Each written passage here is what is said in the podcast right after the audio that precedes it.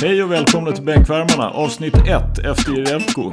Avsnitt 20 med Jonas Jerebko är förstås en höjdpunkt i Bänkvärmarnas historia. En höjdpunkt med lite cream on top då Bänkvärmarna faktiskt en stund låg i topp på Sportbladets sajt. Men nu är vi här för avsnitt 1 efter Jonas Jerebko och jag är inte här för att prata om Paul George, a.k.a. om han ska kallas för Playoff P eller Pandemic P. Jag är här för att prata om en annan P, nämligen MI fucking P, a.k.a. Bam Adebayo. Alla de som röstade fel när de skulle rösta för Most Improved Player kan sätta sig i hörnet och skämmas tills vi säger till. Inte ens Nick får säga namnet som börjar på I och slutar på Ngram idag. För i avsnitt 1 efter Jonas Jerebko ska vi inte ha några fula ord. Jag accepterar däremot att vi pratar om Jason Tatum som en värdig motkandidat för ni såg väl vad som ledde fram till blocken. Jag tycker att det är dags att sluta prata om Jason Tatum och för den delen även Bam Adebayo som emerging star. De spelar conference finals och gör det så här bra av en anledning. De är stars redan idag. Eller vad säger du Addis Nimmerstam?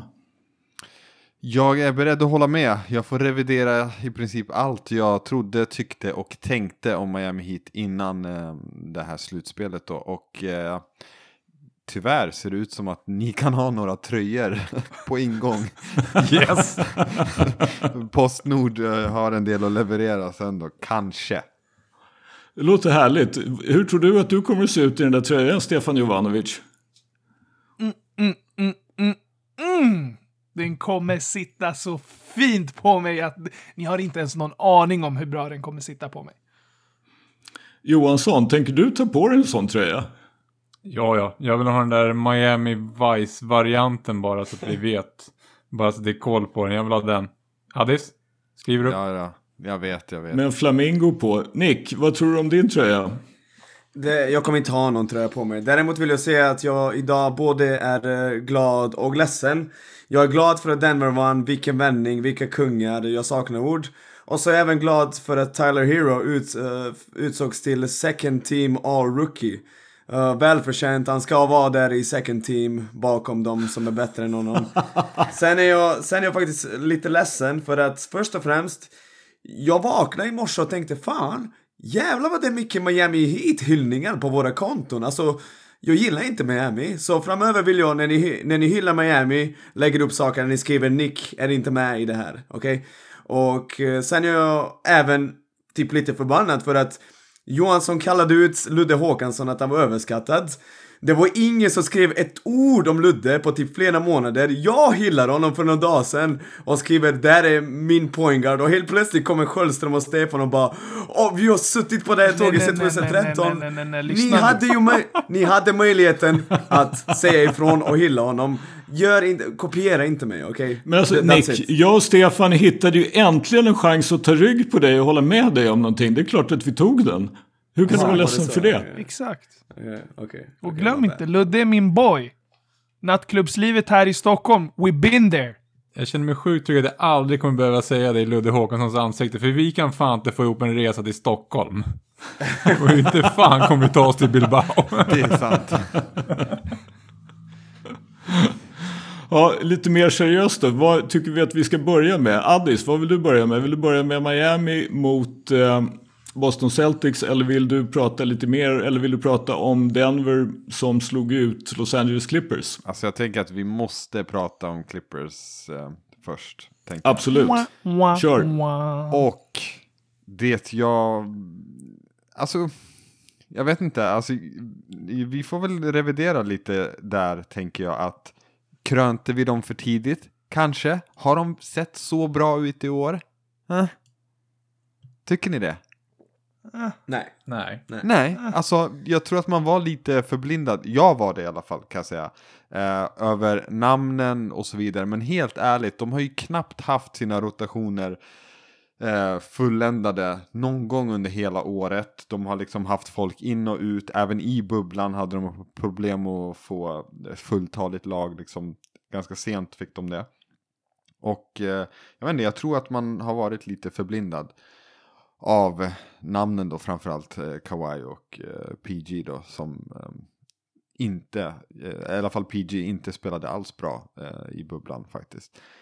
Så att eh, jag är inte jätteförvånad. Alltså folk har väl sovit på Lakers och eh, krönt Clippers alldeles för tidigt. Vad säger du Nick? Du är ju en av de som tyckte att Clippers var klara favoriter här bara för en eller två veckor sedan. Nej, alltså. Eh, jag tycker att det där bekräftar Addis, du har nämnt vid flera tillfällen vikten av regular season. Och det är i sådana här stunder vi ser att regular season visst är viktigt för det är då du bygger vinnande vanor. Det är då du lär dig liksom att vinna och vara consistent och steppa upp när det gäller. Och där truppen är ju ny och de har betett sig som ett gäng. De, de har betett sig som Golden State Warriors i princip hela året. Det kändes hela tiden som att de har vunnit typ tre titlar i rad och nu måste de vila inför slutspelet. Det funkar inte så.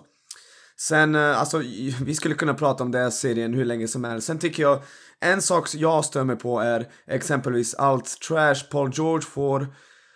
Uh, för att jag tycker att det går lite över gränsen och det är en snubbe som faktiskt hade en brutal skada på sitt ben typ 2014 eller 2015.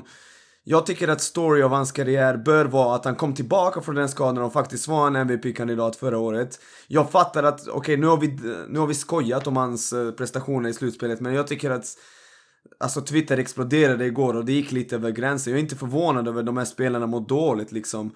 Ehm, för att de läser ju massa skit på sociala medier. Samma gäller Kawhi egentligen. Alltså, han gjorde en dålig match och helt plötsligt skriker alla på TV Åh, han är ju choker! Man blir bara snälla någon, kan vi sluta med det där? Okej, de spelade dåligt. Denver, hatten av. Alla vi, alla vi i den här gruppen ville att Denver skulle vinna. Grattis! Clippers underpresterade, men ja, vad ska jag säga? Det är mina takes i alla fall.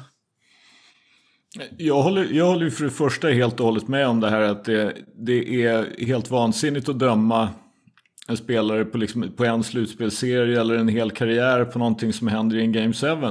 Däremot måste man ju säga lite grann att, att som Clipper såg ut så såg de ju faktiskt lite grann ut som framförallt i fjärde korten då allting bara rinner iväg. Då de nöjer sig med att skjuta treor egentligen och Paul George träffar ju inte ens korgen tror jag vid två tillfällen, eller åtminstone ett då han träffar plankan, eh, sidan på plankan, så är det ju, ser man ju på något sätt när här just, tycker jag i alla fall, ett tydligt tecken på handlingsförlamning. Att man, alltså de spelar inte sitt vanliga spel, utan de börjar göra, alltså någonstans stod de liksom egentligen bara desperat hystade trigger Och kunde egentligen inte göra någonting annat. Sen går Kawhi in till någon av sina de här, när han går in mot straffkastlinjen och, och skjuter ett skott som han har satt egentligen i hela slutspelet och missar det också. Sen börjar han också hysta. Lou Williams missar layups från ingenstans och egentligen den enda som gjorde ett par poäng i sista korten är ju sjukt nog Montrezl Harrell. Alltså, Men jag, jag håller tycker 100% med dig om att man kan, man kan absolut inte låta en slutspelserie, eh, inte ens en hel slutspelserie, let alone en Game 7 definiera en spelares karriär. Jag håller 100% med dig där. Alltså det vi såg förra året egentligen med Toronto tycker jag är att man hade ett, ett, ett lag med ganska bra spel och det Toronto tog sig hyggligt långt även i år. Och så hade man så att säga spetsen i Kawhi. Um, jag tycker liksom när jag tittar på Clippers under hela året så är det så här. De har inte riktigt fungerat. Det har varit lite den här min tur, din tur. Alltså lite som kanske Miami första året innan de liksom fattar hur de spelar ihop på något sätt. Och då känns det bara som att på något sätt så tycker jag ändå att det är kul att det laget som spelar osjälviskt tillsammans ändå eh, är det laget som går vidare. Absolut. Jag fick ju en liten sån här wake-up call eller liksom satt och tittade lite grann igår inför, inför matchen och så då efter att ha lyssnat på Zach Lowe's podd och de pratade om det här, vem ska ha centerminuterna? Subac eller Montrezl Harrell? Och så började de prata då om att eh, Michael Green kanske är liksom den som till sist blir lösningen. Och någonstans var det ju lite grann att eh, han fick ju en hel del minuter. Och det måste man ju säga att det är ju ingen sån här Eh, inget supertecken för Clippers ändå att de helt plötsligt går till vad man hela året egentligen har betraktat som deras tredje center eller kanske fjärde power forward eller vad man nu ska ranka honom. En kille som har spelat då i haft en begränsad roll först i San Antonio Spurs, sen spelat i Memphis och sen så då kommit till Clippers och snittar då någonstans runt 8 poäng och 6 returer för karriären. Att han helt plötsligt ska bli Jokic-stopparen i en Game 7 i en, i en conference-semifinal. båda ju kanske inte riktigt, riktigt gott. Då känner man ju att det är liksom någonting som Clippers har kommit snett på. Alltså, jag frågar så här, nu, jag, jag tycker Jokic var fan, fantastisk. Vad, vad skulle Clippers gjort? Alltså nu kändes det som att de försökte först dubbla pick and rolls och då blir den här liksom short pocket pass till Jokic som i princip gör vad han vill. När han hittar skyttar, han gör poäng själv och så vidare. Vad skulle de ha gjort? Eh, jag, eh, jag kan ju inte påstå att jag har något svar på det. Jag bara konstaterar att just i, som, som liksom det hela spelade ut sig. De hade ju ändå en lösning på Jokic under de fyra första matcherna som var relativt okej. Okay. Sen har de ju undan för undan eh, låtit Nuggets, eller låtit, alltså här kan man ju diskutera vad som är hönan och vad som är ägget. Men hur som helst så spelar ju Jokic och Murray den här matchen med ett självförtroende och på något sätt en glädje. Och alltså en vilja att vinna snarare än en rädsla att förlora. Det är ju tokklyschor liksom. Men jag tycker man ganska tidigt, även om Clippers är med i matchen en bra bit in i fjärde så känns det ändå som att de har inte någon, det här var ingen match de tyckte var roligt att spela. Det tyckte Nuggets. Var, eh, just nu då, var har vi Jokic i hierarkin? 7 till 10. Uh, jag uppgraderar alltså det han gjorde mot Clippers är ju, sen fattar jag att de inte har de bästa postförsvararna, men det han gjorde, alltså han lekte ju med dem på riktigt. Och det där, ni nämner ju det, de försöker dubbla, han dissektar dem så enkelt. Det är ju det sista du ska göra mot Jokic, liksom dubbla och ge han de här passningsbanorna. Så, ja, jag måste tänka på min lista, men han typ topp 8. Jag har han där uppe, definitivt. Och en annan intressant fråga, var har, var har vi Murray nu då? Etta. är han värd sina 170? Ja, det är han. Ja, om han spelar så här. Ja, alltså i, om, om, om man inte tycker som Jonas Jerebko diskuterar i någon värld 170, så, men om man, om man sätter honom i sammanhanget och man tittar på alla andra spelare och liksom vad de har och vad lönetak och allt det där är. Så just nu så är vi väl inte särskilt många som skulle tveka att slänga fram 170 till Murray. Nej. Alltså det, det är ju, han, har ju också, han, som sagt, han hade ju en helt fantastisk serie mot Utah också och är ju fortfarande ung. Och passar dessutom väldigt, väldigt bra ihop med Jokic. Han och Jokic har ju helt uppenbart en kemi. Eh, sannolikt även utanför planen, men definitivt på den. Mm. Ja, som ska bli ruskigt intressant att följa. Mm, jag tycker det är underbart att se dem där två handoff, alltså handoffs, allting de läser och gör av varandra. Eh, jag tycker att det är makalöst. Men Tänk- fatta att de liksom var... Alltså, Utah hade ju ett skott Ja. sista... Alltså det är ju sjukt att de är en ringkant ifrån att ha rykt redan för eh, tio matcher sedan. Liksom. Eller ja, sju. Ja, alltså Conleys sista desperationsträ eller vad man ska kalla det för. Den är ju i, men vänder ur. Och om den går i så, är väl liksom, så ligger väl Tory Craig fortfarande hemma och gråter. Mm. Nu ska han spela konferensfinal istället mot Lakers. Exakt. Ja, det är sjukt. Ja, faktiskt. Det, det, jag menar, bara en sån sak som att de lirade Paul Millsap 32 minuter och även om hans statlines ser ju liksom högst medioker ut så bidrar han ju på något sätt. Han står rätt, spelar vettigt försvar, liksom grå eminens på något sätt i det där laget. Fast de kommer ju dumpa honom så fort säsongen är slut, för han är inte värd 30 mille. Ja, hans kontrakt går ju ut, så jag tror ju precis som du. Klart att, och jag tror inte att någon kommer att ge honom varken 30 eller 20 eller förmodligen knappt ens 10. Men, men som sagt, han, han hade någonting kvar i benen igår i alla fall, eller i natt. Eh, Stefan, har du någonting att säga? Nej, egentligen inte. Nikola Jokic har seglat upp som en av i alla fall de tio bästa spelarna i NBA. Sen så kan man ju såklart göra sitt case för honom eh, för platserna 5 till 10 också, ifall man vill det. Däremot så är han, i min bok i alla fall, eh, nummer ett, den bästa europeen eh, just nu i, i eh, NBA. Och eh, definitivt den bästa centern i NBA. Och jag tycker att hans insatser i det här slutspelet någonstans skiljer agnarna från vetet så, så um, han och Joel Embiid är ju inte så jätteolika i, sett ur den aspekten att eh, båda kanske inte är de mest vältränade personerna, men uppenbarligen så, så, så får Jokic ut extremt mycket i jämförelse med Embiid. Eh, Jokic är ju i princip aldrig skadad eh, och spelar kontinuerligt på en hög nivå. Eh, så det, jag menar alltså, det är bara att kolla när han spelar. Det, ah, alltså i mångt och mycket är en, en han är revolutionerande på sin position. Ingen, ingen big, ingen big passar liksom och, och ter sig på det sättet på planen. Det, det är en fröjd för ögat. Jag såg sista, eller andra halvan av sista perioden i morse när jag vaknade innan yogan och eh, nej, alltså, det var bara kul att se. Det var bara kul att se. Såg ni den där passningen bakom huvudet med 16 sekunder kvar? Jajamän. He's toying with the game. Ja, han, han leker ju liksom.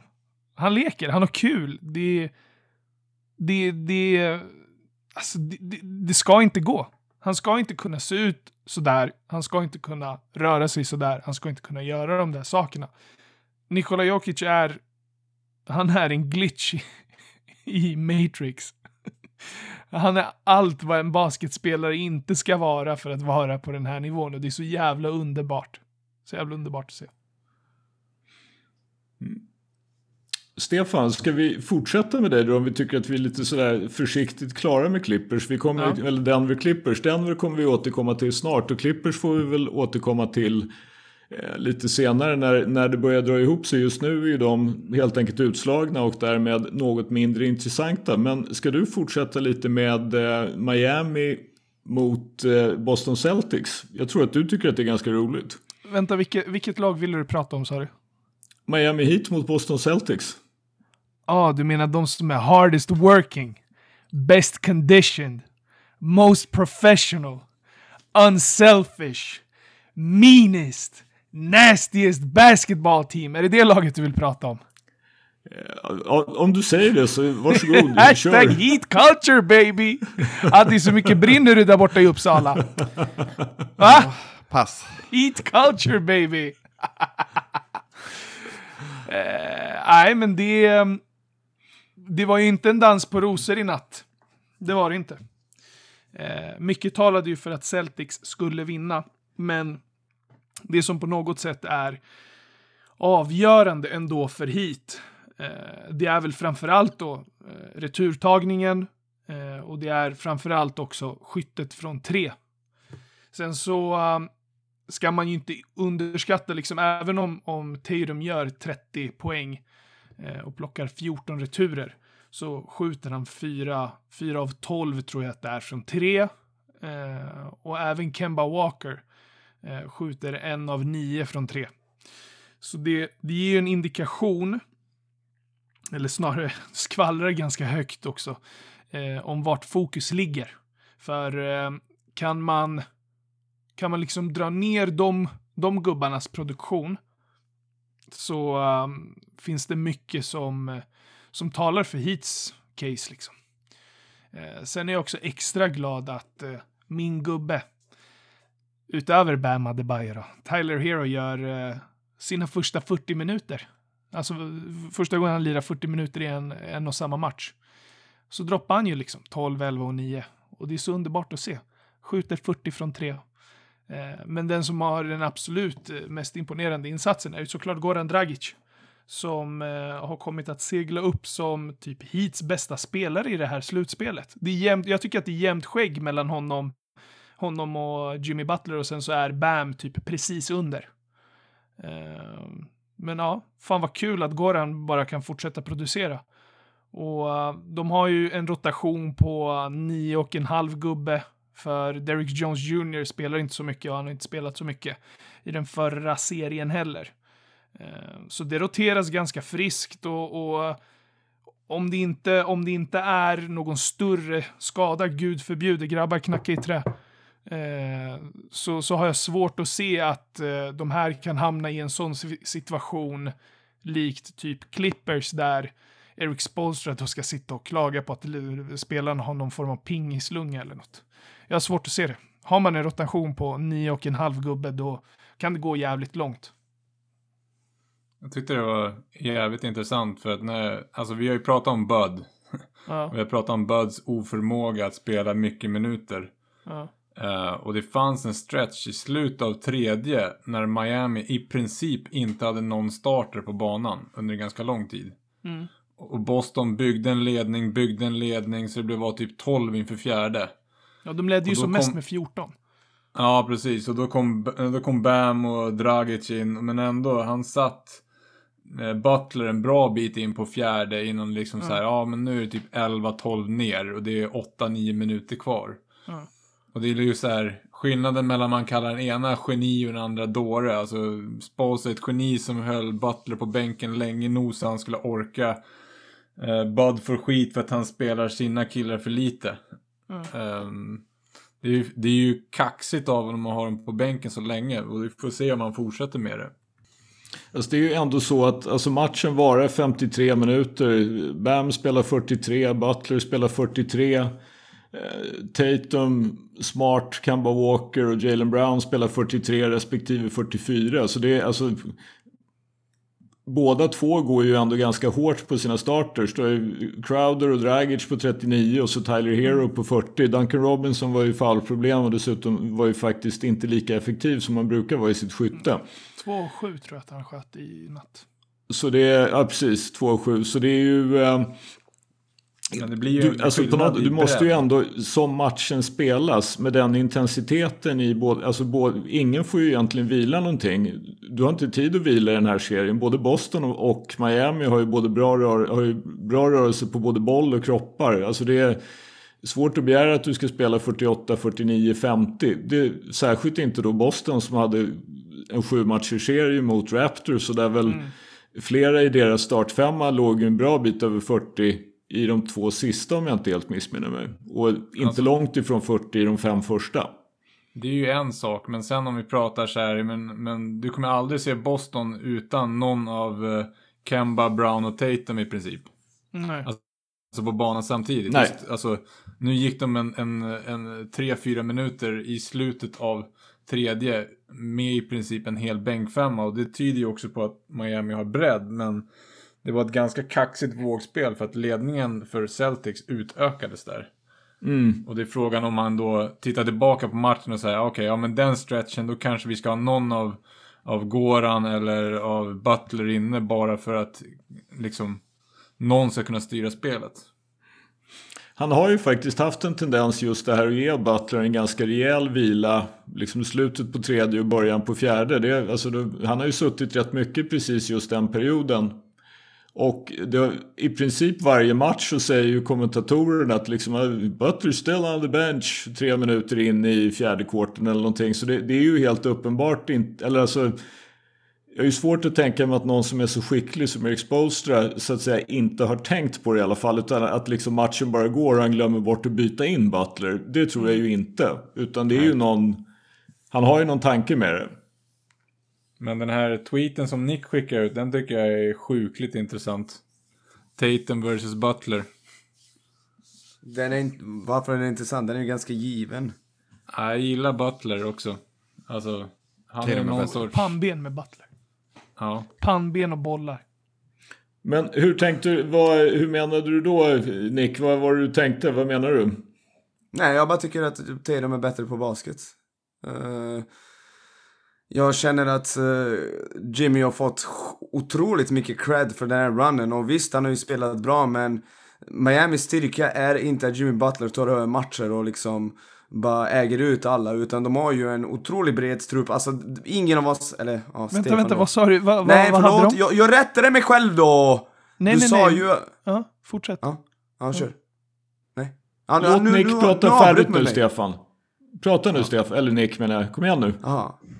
Nej men eh, de har bred trupp och eh, fan, de levererar och eh, jag känner att Tatum han har ju i och för sig Jalen Brown och Kemba som all, all, båda de två är bra med bollen och kan skapa sina grejer. Men jag, jag tycker bara att Tatum är, han är en next level snubbe som jag är övertygad att han i framtiden kommer vara typ Alltså inte, inte Kevin Durant 2.0, det är lite för högt men han kommer vara en brutal poängmaskin och Boston kommer alltid vara contenders. Eh, så länge han är där. Medan Jimmy Butler känner att han måste vara i rätt situation för att vara en liksom guldkandidat. Det är väl första gången i hans karriär han är det och props till honom, han har spelat bra, defensivt fantastisk, men jag tar Tatum före. Sa du att Miami hade en bred trupp? Ja, det gjorde jag, man... Eh, Okej, kan, kan du bara upprepa det? För jag, jag, jag hörde inte. Ja, de har bred trupp. Ja, fan, de... Jay Crowder, alltså Crowder spelar ju som en gud. Jag fattar inte. Alltså snart kommer han börja missa. Kan inte Miami gå till final och möta Lakers? För jag lovar er, han kommer inte kunna träffa havet. Det är klassiskt Jay, Sa du Jay ju för Crowder. en månad sedan också. Är det Jag vet, jag klassiskt? Det, jag fattar så- inte på vad det- vilket sätt skulle det vara klassiskt? Jay Crowder menar du? Ja, att han, att han är het i typ två veckor och så tänker man oh shit, Jay Crowder är en skytt och så börjar i två veckor går han, blir han bara iskall och bara sätter aldrig de här skotten när det behövs. Alltså, du, vet, du vet att han skjuter över 40% på över åtta försök per match från tre i slutspelet. Jag vet, han har varit insane het. Och jag Alltså, fattar det- inte att... Ja. Det är det jag hade oroat mig för om jag var hit. För att kollar man över hans karriär, det är ju omöjligt att han kan fortsätta så här. Omöjligt. Han har varit så het och liksom och... Jag fattar inte vad det är som pågår. Alltså hela det där la- laget klickar ju på alla cylindrar och de vinner varenda tight match. De torskade ju en mot Milwaukee men alla andra, alltså de får ju... De får ju alla 50-50 bollar liksom. De får ju alla... eh, alltså allt går deras väg. De är i sån fantastisk flow nu. Att Heat jag culture. Ja, heat culture. Men eh, vi ses i finalen, för där väntar LeBron James. Men alltså, det, LeBron James. jag måste säga så här. Jag, jag, som bekant är jag, sitter jag ju också rätt hårt och njutningsfullt i lyxkryssaren Miami Heat och liksom i, i champagnesalongen och dricker bubbel.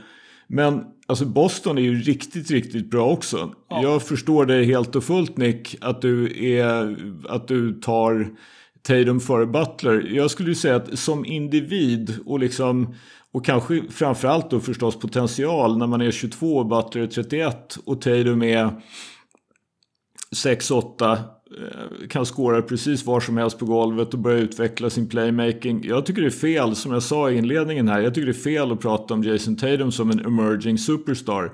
Han gör det här i en konferensfinal i ett ganska ungt och orutinerat, jämförelsevis orutinerat lag. Kemba Walker är ju lite rutinerad men det här är ju första gången han har gått någonstans i slutspelet. Han har väl ett eller två slutspel men Charlotte har åkt ut i första rundan varje gång. Eh, Så Jason Tatum för mig är en superstar och det faktum att han är på fel sida av de två avgörande spelen i slutet av förlängningen. Det är ju en sån här grej som jag tror faktiskt att där har JJ Redick en poäng. Att liksom sometimes in basketball things happen. Alltså först så då skapar han ju då en and one för Jimmy Butler. Butler gör en fantastisk prestation som får i skottet och blir foulad av Tatum. Och sen i nästa spel så gör Tatum en fantastisk move på Butler när de byter från Derrick Jones Jr är ju på Tatum men sen så skickar ju Butler bort honom och går upp mot eh, Tatum som gör honom och kommer fri på korgen. Men där är Bam Adebayo med den fetaste stoppskylt man någonsin sett. Och det är ju alltså fantastiskt spel av först då Butler offensivt och ett fantastiskt spel av Bam Adebayo defensivt. Men jag håller med dig Nick, Jason Tatum är, han är inte en emerging star, han är en superstar redan. Han är topp 10 i NBA idag, rakt av. Håller med. Um, Typ packet före Butler. Innan vi drar vidare då, vad har vi för predictions då? Kort. Jag tror att Boston slår Heat och jag tror att Lakers slår Nuggets. Jag tror att Lakers slår Nuggets i 6 eller 5. Jag tror inte att, alltså Nuggets otrolig run, Cinderella-grejer och så vidare, men fan, de har ju spelat fyra matcher mer än Lakers, alltså någon gång måste de visa att de är mänskliga. Och sen hoppas jag att Boston vinner, för jag tror att Lakers skulle avfärda Boston ganska enkelt. Det är väldigt bra matchup för dem. Så jag hoppas de för Miami, de är så breda, alltså jag börjar bli orolig. Fan alltså. Jag ser fram emot ett linne.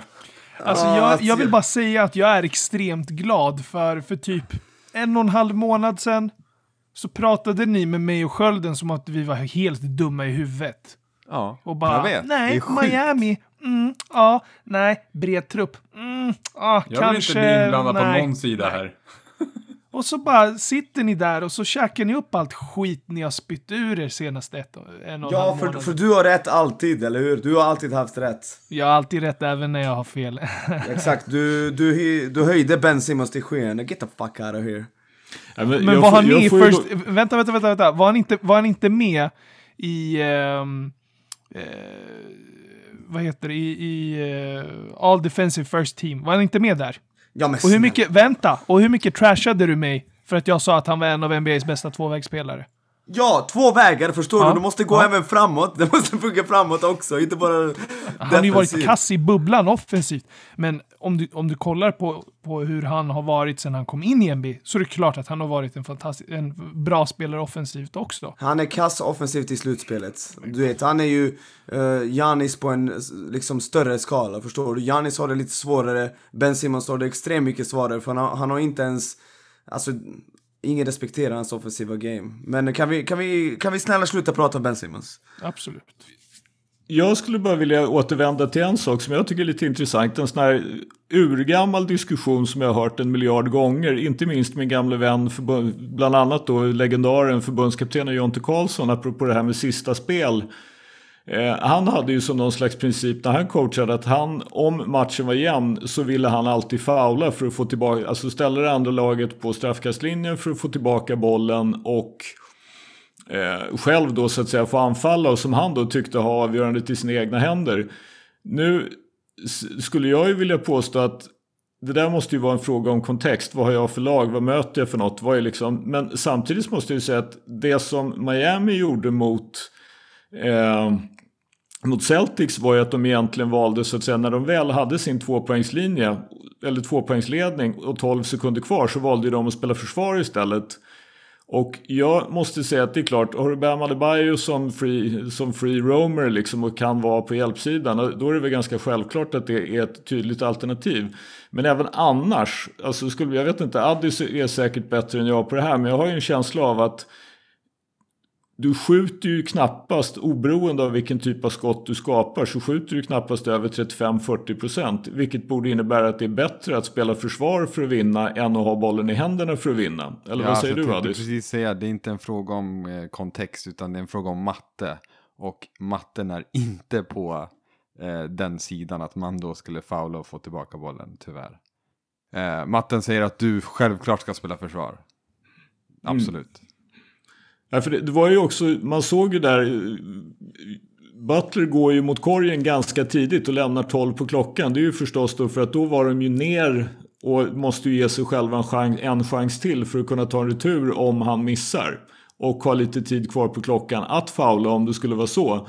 Men när det då väl är 12 sekunder kvar då vet de ju liksom, det blir inga problem för Celtics att ja, de, får, de tar ju först och främst en timeout och sen så kan de då avancera bollen till halvplan och sen har de 12 sekunder på sig. Det är klart att de får en chans att få iväg ett skott och det fick de ju också. Eh, fantastisk prestation av Tatum egentligen att bara liksom göra det Jimmy Butler och bara ta den till korgen. Men bara det att som sagt, där var ju Bam. Men den som säger någonting om att Tatum chokar för att han foulade Butler och blev blockad av, av Bam eh, tycker jag bara är helt ute och cyklar. Det är, han svarade för två bra spel men åkte dit. Det är sånt som händer. Jag tror som du Nick, om inom tio års tid så kommer Jason Tatum att vara en av NBAs typ tre, fyra bästa spelare och kommer förmodligen att vinna en och annan titel på vägen. Det tror jag också. Vad har vi kvar då? Skölden, vad har du för tips? Eh, Jag måste ju säga att jag skulle ju tycka att det var väldigt roligt om Denver Nuggets slog ut Lakers. Men, men jag, är li, jag, är lite, alltså jag, jag tycker ju fortfarande att Lakers är väldigt, väldigt bra tack vare Anthony Davis och LeBron James. Sen är då frågan, är det hållbart? Ska man verkligen tro att Kentavious Caldwell Pope, eh, Markif Morris och allt vad de heter, om de möter ett lag som har lite självförtroende, är lite synk till skillnad från Rockets, fortsätter de verkligen att skjuta över 40% från tre? Även om de får de skott som LeBron och i någon mån Anthony Davis skapar åt dem. Jag är lite osäker på det, men jag tror faktiskt ändå att LeBron är tillräckligt bra för att se till att eh, Lakers slår ut Nuggets. Sen är det knappt jag vågar tippa hit Celtics för jag tycker det var en fantastiskt bra basketmatch första. Lite övertag för hit för att de har lite mer bredd, spelat lite färre matcher, lyckades ändå vinna då första matchen mot Celtic som kanske är lite mer i rytm. Och så länge som då Celtics inte har Gordon Hayward som inte kunde spela i natt så innebär ju ändå det, även om nu Brad Wanamaker var helt okej okay i natt, så innebär det ändå när Hayward är borta så är det 25-30 minuter som ska till någon som är sämre än Hayward. Så jag ger mig väl ändå på att säga att jag tror att Heat tar det där 4-2. Och Lakers vinner väl med 4-1 eller möjligen 4-2 om, om Jamal Murray har en 45-50 poängs match eller två i sig. Ja, jag går också där. Jag går Lakers 4-2 och Heat 4-2. Jag, eh, jag litar fortfarande inte riktigt på Boston. De har en tendens att... Nu fick vi, fick vi se en del zon. Eh, men de har en tendens att bli lite kalla ibland och som du säger, det är ju... Det är mycket som hänger på tre stycken lirare som kanske inte alltid presterar. Brown och Kemba för mig fortfarande lite frågetecken på den här nivån. Tatum är helt makalös. Eh, man, man måste ju säga, vi kan ju, inte prata om vi kan ju inte prata om hela den serien utan att säga någonting om Marcus Smart och hur bra han faktiskt är. Och inte bara för att han skjuter 6 för 13 utan det är ju liksom, han är ju en, en eh, eh också en väldigt, väldigt bra försvarare. Och även han då, det är ju lite grann upside down world, eller vad säger du Nick? Marcus Smart är 6 för 13 från 3 och Jason Tatum är 4 för 12. Jay Crowder är 5 för 9 medan Kemba är 1 för 9. Det är ju lite upp och nervända världen. Alltså det där med Marcus Smart, han är ju... Det, det är exakt samma sak med Marcus Morris. Alltså jag längtade att få se Marcus Morris i en riktigt viktig match för jag vet att han hade packat upp. Marcus Smart var glödhet mot Toronto. Jag vet inte om ni märkte det. Ändå respekterade inte Toronto honom. Ändå stod han helt öppen där ute. För sådana här snubbar som alltid tror att de är bäst på planen, även fast de verkligen inte är det. Jag, jag, jag personligen gillar inte sådana snubbar. Sen vet jag att det är många som faktiskt älskar uh, att titta på sådana spelare som liksom alltid tror att de är bäst och... Men jag, jag personligen gör inte det och det är därför liksom jag inte litar på Kyle Kuzma. Jag, jag litar inte på playoff Rondo. Alltså inte hela vägen som tredje bästa spelare i ett Championship-lag. Han får gärna motbevisa mig, men som det är nu så gör det inte det. Jag är inte riktigt säker på att Marcus Smart tänker så mycket på om han skulle vara bästa spelaren på planen. Men, men han har ju onekligen ett självförtroende närmast i klass med Mario Husonja. Fast ja, med mera substansen då måste man ju säga. ja, jag kallar också Lakers 4-2. Eh, sen så... Uh, jag... Eh, nej, uh, jag drar fram drulen. 4-1 hit i East. Ja, den, den, är, den är tung måste man säga. Ger den, ger den så tydligt till hiten då. Men, men, vi får väl se. Man har ju haft rätt förut. Onekligen. Precis som man har haft fel. Så är det. Så är det. Working against Butler, got downhill, couldn't punch it. Bam says get it out of here. Eh, Nick, ska vi lämna, vi lämnar det här med NBA då, då för den här gången. Det, vi får ju härligt nog anledning att återkomma väldigt, väldigt snart. Men du har ju lite svenska grejer att dra, Nick. Absolut, vi börjar närma oss starten av säsongen i SBL här framförallt och gud, det känns bra. Uh, jag älskar basketligan, jag har skrivit om det många gånger. Jag hade varit tvungen att välja mellan NBA och svenska basketligan så hade jag faktiskt valt basketligan. Det låter kanske lite patetiskt men det är sant. Uh, hur som helst, det har värvats lite spelare. Uh, vi... BC Luleå skriker så att alla hör att de har värvat en spelare som har spelat i NBA. Woho! Sen spelar det ingen roll att han blev hemskickad från Benfica i portugisiska ligan förra året. Eh, en liga som rankas eh, som en liga som är sämre än SBL här. Snittade 10 poäng på en match där. Så det, det ska vi inte liksom uh, marknadsföra direkt. Men han har spelat i NBA så Jesus Christ alltså det här kan bli bara bra. Um, han heter Tor Murray, alltså jag kommer ha svårt med de här uttalen för att jag är inte säker på hur de här namnen och efternamnen uttalas. Sen finns en annan snubbe som heter, ehm, som Jämtland har värvat. Och han, är, han verkar vara ett sådär träd som bara dunkar och tar returer men Basketbloggaren i uppe i Östersund, Hasse Andersson, tycker att han ser ut som en framtida Euroleague-stjärna. Eller någon som har potential att komma långt i alla fall. Jag ser inte det. Trots att han är typ 2,10, otroligt atletisk, eller 2,5 eller vad han var, så sköt han typ 46% på straffkast och 48 på tvåor liksom. Så jag bara, uh, ah, det, det blir nog inte Euroleague. Men uh, vi får se vad han kan göra i Jämtland. Köping har värvat en uh, poänggörande poängguard. Alltså det är väl det som är grejen nu för tiden i ligan. Jag tyckte Alla jag såg någonting om att Johannes Wohlert också trodde att han kunde spela försvar på flera positioner. Ja, ja. Alltså det här är ju så roligt, det där måste jag ta nu. 2018, under sommaren, varenda signing som ligalagen gjorde, varenda signing var ah, den här snubben kan spela försvar på olika positioner. Det gick så långt att de beskrev William Gutelius som en sån spelare liksom, han kan inte spela försvar på en position. I alla fall, vi trashade dem så mycket på Twitter att de, de har inte gjort det sen dess. Nu är det inne och säga att en spelare har karaktär. Så den här sommaren har det varit, ja den här spelaren har karaktär och karaktär här, karaktär, karaktär hit, karaktär dit. Ja, men i alla fall, eh, vi går vidare. Köping har värvat en poänggörande poängguard, verkar vara tvåa som kan göra lite av lite av allt. Jonah Ra- Raidbar, Radebar, jag vet inte. Eh, det var på tiden när de värvade in en uh, importspelare. Och sen har Fryshuset hört av sig, tror det eller ej. Vadå, har de ringt Och dig? de har bara resignat folk och så värvat... eh, oh shit, det är ju pinsamt att du inte kan... Vänta, vänta, vänta. Ge mig en sekund. Ge mig en sekund. Den där snubben. Han spelade i Umeå. Han är från Stockholm egentligen. Uh, Vem har... Pointguard spelade i Umeå förut. Ge mig en sekund. Alltså, jag har hans namn. Uh, Ra Rami någonting. Fan! En kille från Stockholm som spelade i typ Irland förra året. Han var backup Rami pointguard i. Umeå. Exakt, Rami Ghanem, så är det. Uh, de har signat honom. Kanske inte den mest spektakulära värvningen, men det händer något i alla fall. Han är ju från söderort, så det där är ju liksom mammas gata för honom. Ja, han... Fryshuset eh, hans, han, hans modersklubb. De har för, förlängt Bassem Abdulkader. Jag tycker det kommer vara lite spännande att se honom i ligan. För det är många som alltid har sagt att han är för liten för att spela i ligan. Och jag kanske håller med, men jag, han är sådär explosiv, spännande spelare. Spännande. Eh, Han är väl över 25 nu. Hur, hur länge ska man vara spännande? jag säger inte att han är spännande talang. 39 i alla fall. Nej men alltså jag, jag tycker inte att han är talang. Jag tycker bara spännande spelare. Jag gillar hans spel, spelstil. Nej, Han är jag inte menar sådär- bara att just eh, liksom spännande beskriver man ju kanske yngre spelare, eller? Okej, han Inte har någon- intressant spelstil. Låter det Ja, bättre? ja, ja okej. Nej, nej, alltså eh, inget så. Okej. Undrar bara. Eh, och eh, vad heter det, that's about it. Snart drar det igång. Det, Victor Gaddefors tränar med Södertälje och de har ju obegränsat med pengar så de signar honom säkert. Samuel Berkelund gör en comeback och... Min gubbe. Ja, vi gillar Samuel Berkelund i den här ja, podden. verkligen. Eh, Shoutout till. Samuel Berkelund.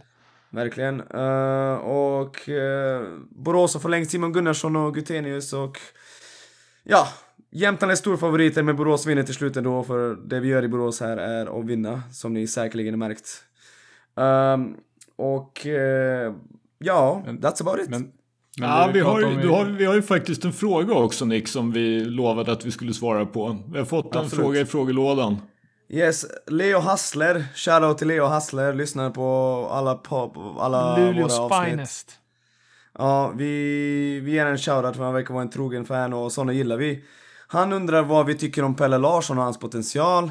Och vi har ju faktiskt redan pratat om honom ganska mycket, avsnitt 6 eller 7 om vi minns rätt. Det var så länge sedan va?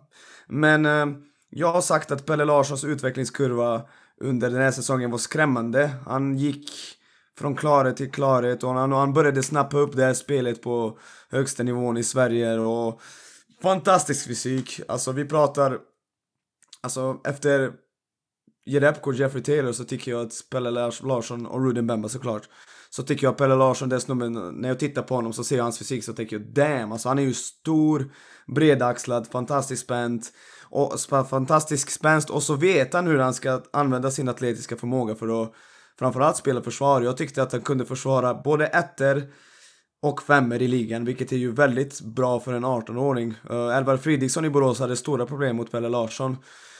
Så det är en snubbe som skulle gått till Utah och gå på College Division 1. Det är en ganska bra skola, men eh, nu, nu är det lite osäkert så vi vet inte var han kommer att spela. Men jag tycker att om Pelle Larsson, han har en fantastisk basket-IQ och han är väldigt tacksam spelare som gör som coachen säger och han utvecklas i, i hög fart. Om han lär sig att sätta sina öppna trepoängare konsekvent och skapa vad som helst från studs, så länge han kan ta en pick och rull liksom och slå en avgörande passning eh, så kommer han komma långt. Alltså, jag skulle inte bli förvånad om han blir en sån där Eurocup slash Euroleague-spelare i framtiden, men ehm, mycket måste klicka och ja, stor potential. Jag ser inte honom som en framtida NBA-spelare, men vem vet? Who knows? Hur, hur gammal är han? Han är 01. född eh, 0... 01. Han är 01. 19 han är barre. 01. Ja. Yes. Jävlar vad tiden flyger. Mm. Eh, men eh, ja, det jag fruktar i år är att, att han kommer stanna i Luleå ett år till för att du vet, läget är osäkert och så vidare. Mm. För då kommer Luleå bli riktigt bra helt plötsligt. Jag tror att han, eh, han redan idag har potential att snitta typ 14 poäng per match och bara låsa ner alla defensivt. Och när Jonas Jerebko var 19, det var ju då han gjorde sin första säsong i, i, i Plannja, så var han inte sådär av- avancerad när det gäller liksom att byta på alla positioner i försvar liksom och att vara, jag vet inte, bara, bara se till att hans fysiska förmåga lyser på samma sätt. Sen var Jonas såklart grym i Plannja eh, och eh, Eh, han gjorde ju sin grej i ett lag som vann guld, men jag kommer ihåg att många sa ju att nej, efter den här säsongen i Plannja så, så skrek man inte åh det där är en NBA-spelare liksom.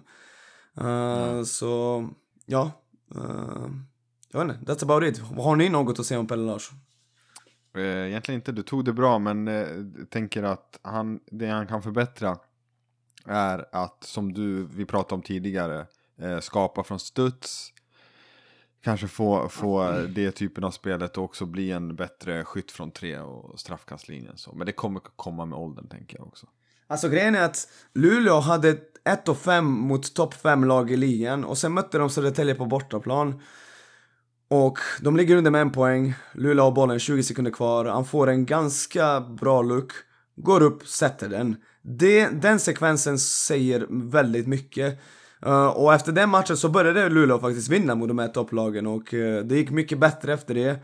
Men att han har det där i sig liksom, att vara lugn och samlad. Det är minut 40, 18 bast, sätter en sjukt viktig trepoängare. Säger till mig att den där killen, eh, han, har, han är något speciellt. Uh, hans skottteknik påminner om Blake Griffins. Jag vill att ni kanske tar en extra titt på det. Men jag tycker att han skjuter väldigt lik Blake Griffin. Eh, jag kanske har fel, who knows. Bara kolla på YouTube, två skärmar. Jag är med. Ja. Shoutout till Pelle Larsson och inte minst Leo Hassler. Addis, från Eurocup slash Euroleague-spelare så är det ju läge för dig då att kliva in och ta Europakollen.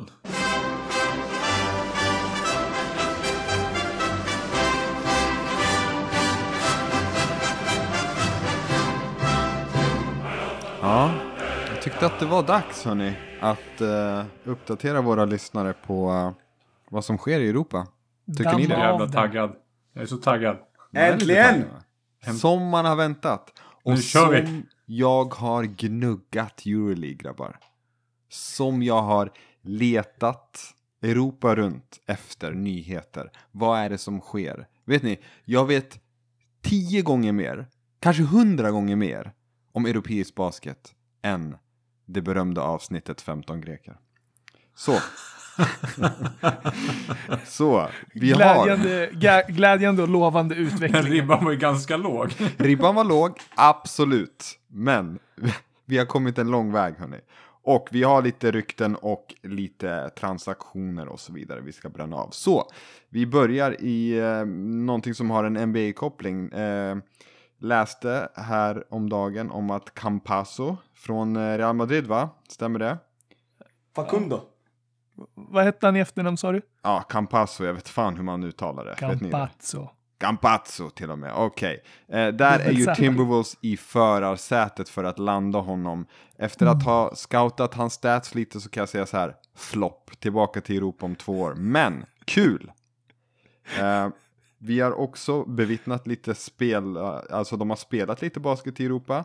Vi såg eh, Alba Berlin med lite svensk koppling där, torska, var det mot Panathinaikos va? I OT.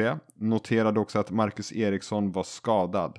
Eh, klev man ju in på Alba Berlins hemsida och läste på tyskan. Det är en lårskada tydligen. Men Jaha. han är nog tillbaka snart. Hur är det med tyskan då, Addis? Tyskan, den är bristfällig men eh, jag tar mig runt. Så. Du tar dig runt. Jag tar mig runt. Så om man droppar i, i, på någon bakgata i Düsseldorf så kan du ändå ta dig runt. Då hittar jag hem. Du Inte längre än så. Jag förstår. Eh, mer än så då, vi har eh, att eh, en tung signing skulle jag säga. Den kom, det kommer ju vara en flopp såklart, men kul! 2x NBA champion Norris Cole landar i Asvel. Vad har vi på Asvel hörni? Det är ju fram, framförallt känt som Joakim Bloms gamla proffsklubb. När han spelade där innan han så småningom hamnade i Tyskland så spelade han nu i Asvel Villeurbanne i Lyon. Bara det. De spelade, de spelade Euroleague förra året, vann några tunga hemmamatcher mot Olympiakos bland annat. Och CSKA om jag minns rätt. Theo Madeon som är en draft prospect spelade där. Och, eh, ja. Från Villeurbanne. Villeurbanne. Villeurbanne. Villeurbanne. Villechban, du fick det att låta som, som någon bondby i Serbien. Äntligen får skölden rätta någon på uttalet. Äntligen! Vet ni, vad deras, skönt. vet ni vad deras arena heter? Ingen aning. Har vi någon gissning? Nej. Nej. Jag tror inte det uttalas, jag, jag tror inte det uttalas, Stade de Joakim Blom. nej, men jag, jag, jag, tror inte, jag tror inte det uttalas så här, men Astroballe. Jag tror inte. Kommer Stefan, stoppa in drulen nu igen. Nu, nu räcker det. Nu räcker En det. sista då, en sista grej på Asvel. Ja, Vet ni vem som är ordförande? Tony Parker. Tony Parker. Är det så? Fattar du mannen? Den gillar vi. Hörni, har vi hittat bänkvärmarnas egna lag i Europa eller? Är det Oh, Absolut. hell no. Hörru Addis, jag, du och Skölden sätter oss på ett flyg så fort pandemin är över och så åker vi ner till Lyon. Så Lätt. korkar vi upp, eh, vad har vi för vin i regionen eh, Skölden? Ja, det är ju Bourgogne som är, som är närmast. Ja, kör vi en liten Det kommer nog att funka. Är det inte ja, massa, massa, massa Michelin-restauranger där också? Det blir bra. Jodå. Ja. Massor är helt rätt. Mm. Eh, Men fler nyheter då hörni. Vi har en, ehm, vi vet ju att i, i Barcelona där, där letar man febrilt efter en ersättare för Ante Tomic. Eh, Ante Tomic då mest känd för att bli draftad och inte göra en sekund i NBA. Men, ehm, och eh, Barsas headcoach då, han är ju också svinkänd då, ni vet eh, Sarunas eh, Jaskevicius då. Mest känd för vad? Vad säger ni? Jag har en på den. För att han, han ägde med Maccabi Tel Aviv några legendariska Final Four runs. Prata inte om hans NBA-karriär i Indiana Pacers, Golden State. Våga inte ta upp det. Mest det är inte... känd för att ha gjort fem minuter mot Dallas 07 för We Believe Warriors. Det är inte illa. Det är bra. Hörru, jag har, jag har en annan grej han är mer känd för. Kör. Det där jävla klippet som cirkulerar på Twitter, titt som tätt. Minst en till en och en halv gång per kvartal. När han sitter under en presskonferens och så frågar någon eh, journalist i Litauen när han var i, var det Žalgiris han var tränare i? Eller var det Lietuvas Ritas? Jag tror det var Žalgiris. faktiskt. Jag ska inte svära på det, men jag tror Så det. sitter de där och frågar vart eh, någon spelare är, så säger han Ja, hans fru födde barn. Du vet, livet, det är viktigare än basket. Det här vi håller på med, det är bara sport. Basket, det är det som är det viktiga. Fan, jag har sett det där. Det är klart att du har gjort, för det cirkulerar alltid, titt som tätt. En till en och en halv gång per kvartal så ser man hans jävla ansikte i flödet. Ja, Och alla vill Stefan säga 'Fuck you, podden är viktigast' Exakt, exakt. eh, och sista grejen då. Vi har, och det här, Nick, du vet, säkert, du vet kanske mer om det här, men jag... Jag, Alltså, Jag vill, jag vill bara säga en sak till Ja. om den legendariske Sarunas. Alltså han var ju faktiskt instrumental i att se till att Litauen vann EM 2003 när Litauen slog Spanien i Globen i finalen.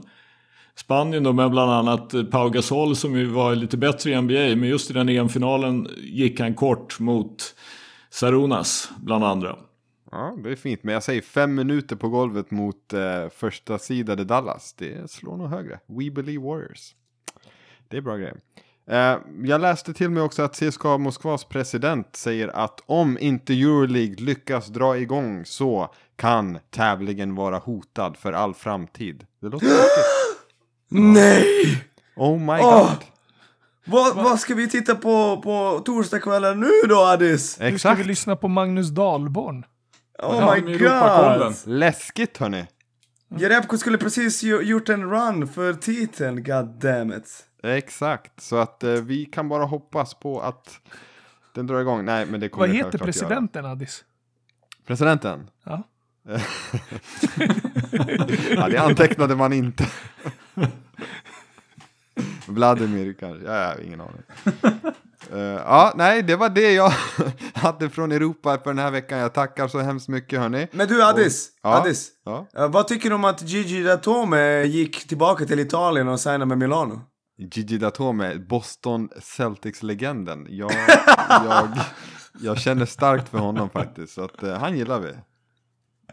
Han gillar vi. Stort tack för Europakollen Addis. Ja, vi är tillbaka om några veckor igen. Nikola Jokic and Nikola, you guys have proven time and time again that you play your best basketball when your backs are up against the wall. Why? I don't know. I don't know. That's a good. Johansson, det är dags för hot takes. Du hotade med att din bara var halvljum, men du får börja ändå. Ja, åh fan. Uh, ja, men eh, nu kommer vi mot somrarna när det liksom det är så här. Jag gillar ju free agency. Eh, och det kommer att Giannis och nu börjar man prata om Bucks och Anthony Davis har ju en option med Lakers och så vidare. Och, och jag tänker bara så här, om man pratar om, ska jag skriva på fyra år eller fem år eller vad fan som helst. Och jag känner bara så här, är du topp 20 så finns det, alltså ur spelarens synpunkt så är det bara ett års kontrakt alltihopa. Alltså det är ju så här, om Bucks skriver på fem år med Janis, det är ju inte som att, åh, nu kan vi sitta lugnt i båten några år. Det känns som att det finns en sån här player empowerment, att de kan ju säga, ja, om ett år vill jag byta lag. Fuck you, jag vill gå. Så jag säger att det bara finns ett års kontrakt på de 20 bästa spelarna. Du menar att klubbarna borde göra det, eller tänker du att spelarna lika bra kan men göra det själva på en även gång? om spelarna signar i fem år så är det rent effektivt egentligen bara ett års kontrakt. För att de kan säga efter ett år att de vill sticka. Och alla klubbar kommer behöva behandla dem som ett års kontrakt. Att de måste vinna nu och där och då och då. Annars så begär de bara att de ska byta lag som Paul George. Paul George och de här, de står ju så här och bara ja, vi behöver stanna ihop ett år till. Och sen en månad senare, ja, jag vill sticka. Och jag tror att vi kommer se hela tiden mer sådana här byten. Men tror du, inte, tror du ändå inte att, alltså jag säger i princip inte emot sådär, men tror du ändå inte att, att det finns ändå en och annan spelare som eh, för det första tycker att det är ganska trevligt med så att säga, den trygghet som ändå är, alltså att man faktiskt vill skriva på ett kontrakt att man, alltså, som ger dem pengar, det vill säga den tryggheten som ett fyra eller femårskontrakt ger. Eh, relativt då att ha det här, antingen då göra som LeBron eller som Michael Jordan, skriva på ett år i taget, eller som Kawhi och Paul George och skriva på två, så är det ju ändå, jag menar, Jamal Murray fick 170 miljoner.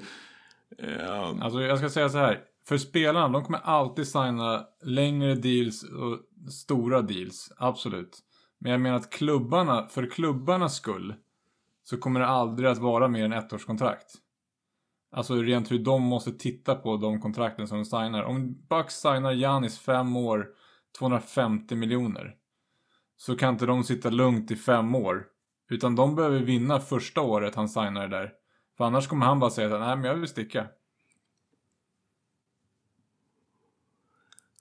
Jag tror, jag tror att du, du har åtminstone delvis rätt, men jag tror faktiskt inte att du är helt rätt. Jag tror att det finns de spelare som ändå av, av skilda skäl Ehm, kommer att vilja vara kvar. Och jag tror framförallt att det så småningom kommer att visa sig också att, eh, inte minst efter liksom Kawhis och Paul George, som man ju då trodde skulle ge utdelning ganska fort, kommer att visa sig att det här kanske inte är en så enkel metod och att det inte är så alltid så enkelt att säga efter ett år. För nackdelen, det här upptäckte ju Kobe. Som jag minns det så hade ju Kobe en trade på gång till Chicago för länge sedan.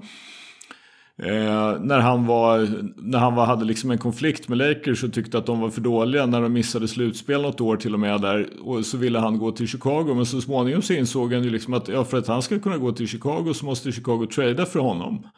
Och då innebär det att då kommer han till ett Chicago som är lika dåligt skick som det Lakers han har lämnat och då kan han lika gärna vara kvar.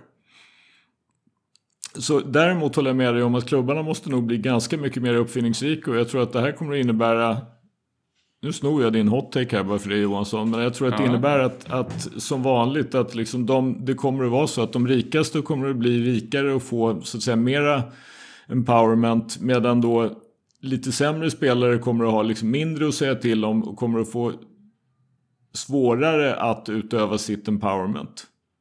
Du måste upp på en viss nivå för att klara av det här. Det kommer att vara 20-25 man som kan fixa det. Resten kommer att vara mer i en situation att de får vara nöjda med det kontrakt de får. Alltså jag ger Bucks efter två år, ett år in i den nya dealen. Annars tror jag att Giannis sticker.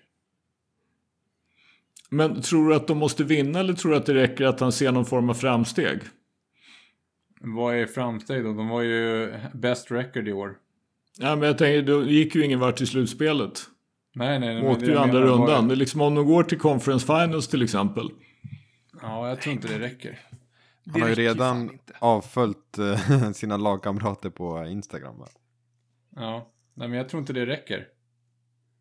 Om vi säger så här då, om, om eh, hur lång tid tror ni det tar innan, eh, innan vi säger typ, ja, Cuban känner press över Doncic? Bra fråga. Nej men jag tror att det, det är många stjärnor som kommer bara vilja, de kommer kunna säga så här, jag vill gå härifrån. Och har vi märkt någonting av senaste åren så är det ändå så att så fort en stjärna säger publikt att jag vill inte vara kvar här, då sjunker marknadsvärdet. Alltså, säg vad fan man vill, ingen vill ha DeMar DeRozan mot Kawhi Leonard. Nej, men samtidigt så är det också viktigt att förstå att du nämner just Giannis och du nämner Luka. De här gubbarna kommer ju från Europa. De är Absolut. inte nödvändiga, även om de är liksom superstjärnor i sin era, så är de ju fortfarande inte lika, vi snackade ju om det för något avsnitt sen också. Det är inte som att de sitter och, och surrar med gubbsen ute i ligan på samma sätt som, som eh, amerikanerna gör. Du har till exempel inte de här relationerna som typ, ja men säg Towns och D'Angelo Russell har, eller Zion och John Morant, som har hängt på varandra sen AAU och har känt varandra i princip i hela livet. De här gubbarna kommer från andra sidan pallen och har lirat x antal säsonger. Visst, det är klart att man kommer bättre överens än andra, men jag tror inte att den benägenheten att röra på sig är eh, lika stor som hos gemene amerikan i NBA. Och sen så, om vi ska vara helt ärliga, just när det kommer till typ så här klubblojalitet så får ju många europeer det med modersmjölken också. Så det, det finns en viss kulturell skillnad i det där. Mm. Ja, jag köper att det finns en skillnad. Jag tror fortfarande bara... Alltså, Janis kan se att det är grönare på andra sidan någon annanstans än Milwaukee. Ja, men det hade nog jag också gjort ifall jag hade varit i Milwaukee Bucks. Ja. Vem fan vill vara där? Hur som. Eh, Kör Stefan. Nej, men låt, låt, låt Nick köra innan mig. Jag vill gå sist. Okej. Okej, min, min hot take är att om Lakers vinner titeln, det kommer vara det sämsta laget som någonsin vunnit en titel. Och eh, innan ni säger Wåh! så vill jag att ni lyssnar. Vi är överens om att LeBron och Anthony Davis är sjukt bra basketspelare. Och både otroligt smarta basketspelare framförallt. Det visar sig i slutspelet här. Alltså, de är ju bara på en helt annan nivå. Grejen är att deras supporting cast är så otroligt dålig att det är svårt för mig att se Lakers vinna. Jag vill det, jag skulle gråta av glädje att LeBron får, alltså jag skulle trasha MJ-fans så mycket om han hade vunnit en fjärde titel. Men, eh, eh, ja, om, om Varför Rajon Rondo... skulle- Ja, varför? Varför skulle kör. trasha MJ? För att MJs fans trashar LeBron hela tiden. Hur som helst, eh, om Rajon Rondo är din, och han är typ 34 bast, din bästa, om Playoff Rondo är din tredje bästa spelare, och Kyle Kuzma är din fjärde bästa spelare, och Kentavious Caldwell är din femte bästa, eller okej Danny Green glömmer det, och skitsamma, Alex Caruso och såna här snubbar. De har gjort det bra defensivt, det ska jag, alltså det kan jag faktiskt inte, de få matcherna jag har sett, jag tycker det ser bra ut defensivt. Men det hjälper ju att ha Anthony Davis bakom sig, och det hjälper ju att ha LeBron som nu visar igen att han är en av bästa försvararna i NBA, när han verkligen är fokuserad. Men jag märker i mina Twitter-mentions att många säger men va? De har ju spelat bra! Ja kompis, de skjuter ju bara öppna skott. Alltså jag såg, jag såg en highlight på, det är någon som hade klippt ihop alla öppna skott Lakers missade i första matchen mot Portland. Det är helt otroligt, alltså de här gubbarna står ju helt öppna. Alla, Lakers motståndare fokuserar bara på att plocka bort LeBron och Anthony Davis. Och de andra bara står där och bara poppar öppna skott liksom. Och litar jag på att Rondo kommer sätta de här viktiga trepoängarna som han gjort mot Houston hela vägen? Nej, det gör du inte. Han får gärna motbevisa, men gör det inte. Litar jag på Kyle Kuzma? Nej. Litar jag på Kent Havens Caldwell Pop? Absolut inte. Han har ju Jay Crowder-syndromet att han kan liksom vara het i några veckor och sen kan iskall två veckor efter det. Uh, och uh, ja, jag tycker att deras supporting cast utöver LeBron och Anthony Davis är miserabel.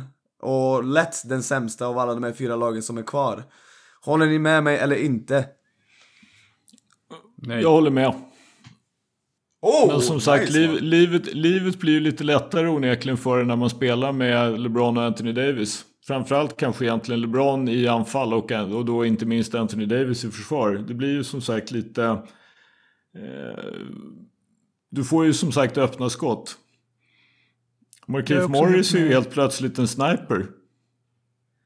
Ja, exakt, precis. Men du, själv- du Johansson, du höll inte med, sa du? Alltså, inte för att jag vill pissa på min Spurs legacy, men har du sett 99-laget?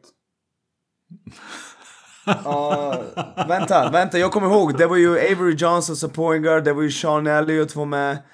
Uh, vi- Ellie. Ja, exakt. Men Säg vadå, skulle inte. du... Och sen Jaren Jackson, Will Perdue, Malik Rose, Antonio Daniels. Antonio Daniels, fjärde picken från Bowling Green. Hur kan du hata på honom? Ja, Okej, men, men du Johansson, skulle du... Låt oss säga att Lakers vinner. Skulle du kunna säga att de har den näst sämsta, eller en av de sämsta någonsin? Ja, ja, alltså vi är absolut. överens här att deras supporting cast stinker. nej men vi, vi hade ju en Twitter-diskussion med, med Gurra G från, ja, eh, att just det här, Ja. jag håller med. Det är, det säm, det är sämsta supportingcasten av alla. Alltså 3 till 12 så är det sämsta just nu i slutspel som är kvar. Easy Utan tvekan. Och Kör 1 till då. 2 är det den bästa. Uh, hörni, vi har lite breaking news. Bam, bam, bam, bam. Vi har All NBA Teams. Första laget, LeBron, Giannis, Luka, Davis, Harden. Logiskt. Ja, Andra ingen laget, center.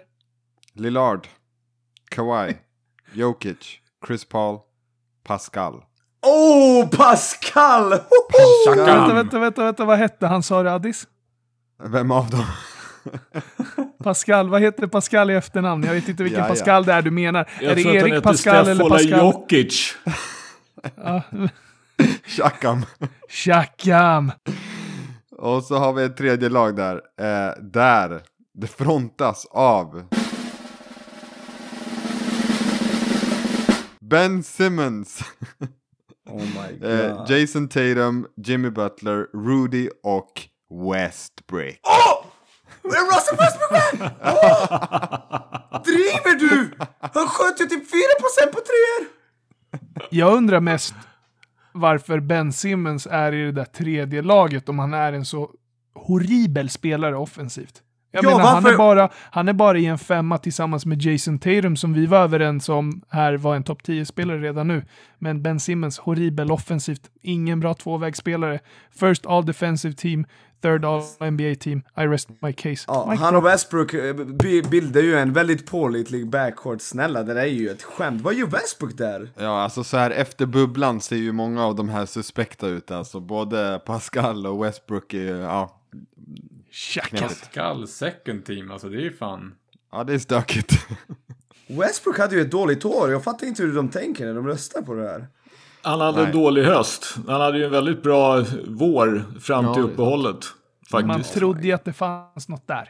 Ge det till Kyle Lowry bara. Snälla, ge det till Kyle Ja, Lowry. Men Kyle- det är, ju först, det är ju förstås därför de har Siakam. Det är ju för att Toronto ändå var så pass bra och att eh, Eh, på något sätt så tänker de ju nästan alltid så att man måste belöna bäst eller man måste belöna folk från de bästa lagen och hur ska vi då kunna göra någonting annat än att ta det som vi uppfattar som den bästa spelaren. Jag känner ju med dig där Nick att det kanske hade varit logiskt att ta Kyle Lowry snarare än Siakam till ett, ett All-NBA-team. Sen är det väl då ytterst diskutabelt om han ska in i något second All-NBA-team. Det är väl snarare så i så fall att han ska in i third istället för Westbrook.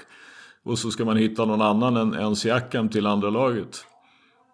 Men eh, jag kan följa upp det här med, eftersom jag inte har kommit på någon hot take så får det bli min. Kyle Lowry, fan, mest underskattade pointguarden någonsin. Let's go. Oh. Älskar Kyle Lowry. Så Dock- jävla disrespected han är. Ja, finest. Addis, dock Ja. måste, du, du får inte glömma hans alla slutspelschokes. Nu har alla glömt det. Men han var ju en slutspelschoker fram till förra året. Sen förra året räddade han sin legacy och han steppade upp big time. Men samtidigt, ja. Han, han är disrespected, jag håller med dig faktiskt. Han är Just riktigt är disrespected. Okej, men eh, jag har ingen annan hot take så det får bli den. Okej, Du, om ni... du går alltså med på att man är en choker om man åker ut mot LeBron år ut och år in? Inte choker, han spelade ju riktigt dåligt. Det är inte så att han liksom snittade 27 och levererade, utan han brukade spela sämre än vad han gjorde i grundserien. Och då tycker jag faktiskt att man liksom underpresterar. Så är det bara. Jag vill, jag vill bara inflika, men eh, alltså jag är, un, undrar hur det här kommer påverka Philadelphia-kemin nu när Embiid inte är med. Det är ju skönt att de valde bort Embiid. Shit, jag tänkte inte ens på det att han inte var med. Nej, fan. Fan vad jag, jag, skönt, vill inte, de måste ha jag hört vill inte bänkvärmarna. klara med en bid. Va? Jo, det är vi. Kan vi inte bara ge upp på en bid? Kan vi inte bara skeppa honom över bord och bara skita i honom? Var är Bam Adebayo? Är han, är han, eh, är han här med nu här någonstans? Nej, Ja, okej. ja. lugn. Tyler Hero, second team, all rookie. Ja, men vadå, vem skulle han ha konkurrerat med menar du? Skulle han ha petat eh, John Morant? Nej. Skulle han ha petat Kendrick Nunn? Nej. Skulle Nej, han ha han petat är- någon precis. annan i, all, i, i. First Rookie Team? Nej. Precis, han är inte bättre än Kendrick Nunn eller John Morant. Så. Men jag är lite så här med reaktionerna på det här. Skojar alltså Stefan, både, skojar. både Bradley Beal och. Donovan Mitchell. Ja. Förlåt, vad sa du Johansson? Alltså både Bradley Beal hade ju i sig på ett kastlag men alltså de var ju inte i slutspel precis som Lillard inte var i slutspel. Ehm, och samma sak när det gäller Donovan Mitchell. Han borde ju ha gått före Westbrick. ja, det kan jag faktiskt tycka också. Ja. Då är det jag då om du ska gå sist Stefan. Jag tänkte ju lite grann på det här faktiskt. Jag vet inte om det är en så hot take. Men om man tittar på hur Kawhi Leonard sprang i fjärde kvarten i natt. Kommer det verkligen att bli, kommer Kawhi Leonard att vara en faktor i ett slutspel igen? Han är 29 år gammal nu. Jag tycker att han har sett bra ut i bubblan. Och liksom pigg och frisk och, och klarat av att spela rätt bra med minuter. Men i natt tycker jag faktiskt att han såg ut som en gammal gubbe. Är Eh, han redan slut Nej. som playoff performer? Nej. Alltså, dock måste jag säga att något som definitivt inte passade honom är de här, eh, liksom, den det här matchandet. För i slutet av förra årets slutspel, han var ju done. Alltså han, han kunde inte ens använda ett av sina ben. Eh, uh, pallar han spela liksom 70 matcher per år? Kommer han aldrig någonsin göra det? För vi pratar ju mycket om det där Clippers aldrig uh, hittade liksom sin flow och kunde bygga vidare, liksom hitta någon form av kontinuitet. Och en anledning är ju att han bara, ja, i oktober missar typ tre matcher för att han ska liksom få sin load management. Ehm, så ja, och, och det är ju lite så att, alltså det som, det som jag, jag förstår ju också att, så att säga att han har nu då, han fick gå sex matcher mot Dallas och han har fått gå ganska tunga minuter eh, i båda de här serierna. Så det, alltså, det är ju inte konstigt så att säga att han ser lite sliten ut, framförallt inte med hans, med hans då skadehistoria. Men Inget, ingenting av vad jag har förstått i alla fall tyder ju på att det här är någonting som kommer att gå bättre. Utan alltså det finns ju en anledning till att Kawhi Leonard måste load manage under regular season. 60 matcher i fjol med Toronto. 57 i år med Clippers och då var det väl i och för sig, då spelade de ju då, de spelade ju inte 80, vad spelade de 74 eller något sånt där i grundserien. Men alltså han missar var fjärde, var femte match i grundserien. Och sen ska han då ändå vara i form det vet jag inte riktigt, minns inte exakt hur ett så att säga, normalt schema ser ut. Men det blir inte egentligen mindre, det blir förmodligen inte så mycket mindre slitsamt utanför bubblan om man tänker sig ett normalt schema när man då dessutom ska till med en massa resor och alltså sämre behand eller liksom sämre möjligheter till behandling och, och liksom rehabträning och sånt där. Resorna tar ju ändå lite tid och skäl, skäl lite fokus liksom från vad man håller på med. Och tittar man på det som han nu har gjort då under slutspelet så har han alltså då spelat 13 matcher på ganska kort tid, på en månad ungefär. Eh, snittat knappt 40 minuter och hans siffror är ju makalöst bra men han såg ju sämre och sämre ut i match efter match efter match. Och i natt så tyckte jag faktiskt att han såg riktigt, riktigt sliten ut.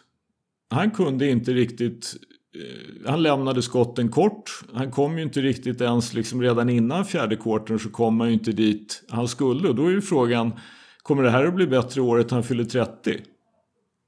Jag tror att lag som har honom behöver ha ett spel som de har även utan, som Toronto hade. Och sen är han kryddan på toppen. Uh, istället för att han ska vara liksom kärnan i spelet. Ja. Jag tror han snittar ju alltså då som sagt, han snittar ju då knappt 40 minuter i slutspelet. Han skjuter 20 skott per match plus då 7 straffkast. Han har 9 returer och 5 assist.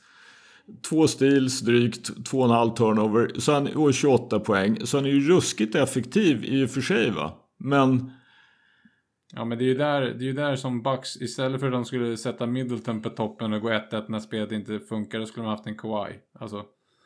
Och någonstans måste man ha ett grundspel utan honom. För jag, jag tycker liksom det, han är en ganska stel spelare att bygga ett anfall runt också.